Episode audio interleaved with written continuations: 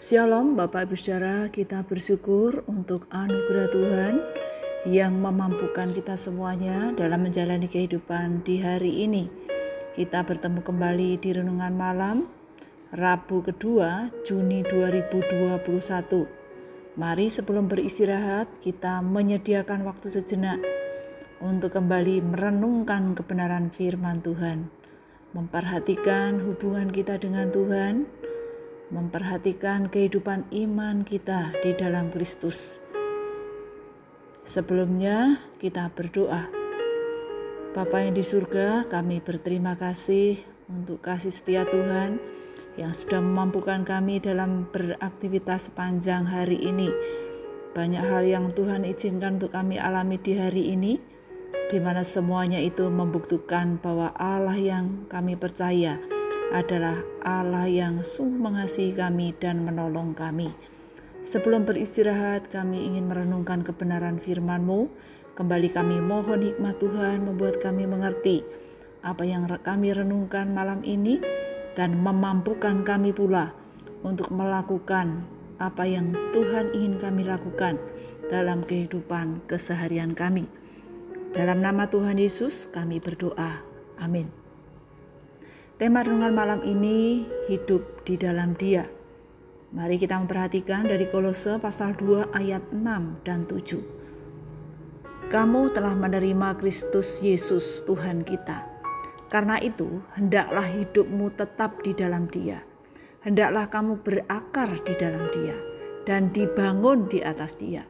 Hendaklah kamu bertambah teguh dalam iman yang telah diajarkan kepadamu dan hendaklah hatimu melimpah dengan syukur. Kita menerima atau percaya pada Tuhan Yesus itu adalah anugerah Tuhan. Dari sekian banyak manusia yang Tuhan ciptakan, kita dipilih menjadi anak-anak Tuhan, menerima anugerah keselamatan. Tetapi hal ini bukan berarti kita dapat menjalani hidup sesuai dengan kehendak kita sendiri, sesuai dengan kemauan kita sendiri. Jemaat di Kolose pada waktu itu yang telah mendengarkan Injil Kristus, kemudian menerima Kristus, maka dalam hidupnya sehari-hari mereka harus berjalan bersama dengan Tuhan agar tidak tergoyahkan, terpengaruh dengan ajaran palsu atau ajaran yang salah yang saat itu berkembang. Lalu, bagaimana seharusnya hidup di dalam Yesus itu, atau hidup di dalam Kristus itu? Yang pertama, Paulus mengingatkan pada jemaat agar mereka memiliki iman yang berakar di dalam Dia. Paulus menggunakan gambaran mengenai pertumbuhan sebuah pohon. Jika pohon itu akarnya kuat, maka tidak akan roboh atau tumbang karena diterpa angin atau banjir atau apa pun. Jika akar sebuah pohon itu kuat, maka ia tidak akan tumbang. Pohon yang akarnya kuat akan membuat pohon tersebut bukan hanya kuat, tetapi berbuah. Demikian pula dengan kita sebagai orang percaya harus memiliki akar yang kuat di dalam Kristus. Karena berakar di dalam Kristus, itu akan memberikan kekuatan bahkan menjadi sumber kekuatan dalam kehidupan kita. Iman yang berakar kuat di dalam Kristus akan menjadikan kita orang percaya mampu menghadapi kesulitan, persoalan, bahkan penderitaan hidup sekalipun. Iman yang berakar kuat di dalam Kristus dalam kehidupannya itu akan memberikan kesaksian yang benar. Sesama kita akan melihat bagaimana kita menjalani hidup dengan benar dan memuliakan Tuhan. Yang kedua, bagaimana hidup di dalam Yesus itu adalah membangun iman di dalam Kristus. Paulus menggunakan istilah bangunan. Seseorang yang membangun rumah tentu akan membuat fondasi yang kuat supaya bangunan tersebut tetap berdiri dengan kokoh ia akan memperhitungkan berapa biaya yang diperlukan, menggunakan bahan-bahan apa saja yang dibutuhkan, sehingga fondasi itu sungguh-sungguh fondasi yang kuat. Demikian juga, kita tentu ingin memiliki iman yang teguh. Oleh karena itu, penting memperhatikan dan mengusahakan agar iman kita itu berdiri kokoh. Tidak ada iman yang dapat kuat dengan sendirinya. Tidak ada iman yang kuat secara otomatis. Oleh karena itu, perlu ada usaha untuk membangun iman tersebut, karena cepat atau lambat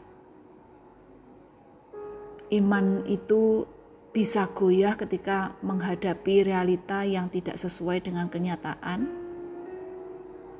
karena kita tidak membangun iman itu dengan benar. Oleh karena itu, kita perlu memiliki iman yang dibangun di dalam Kristus,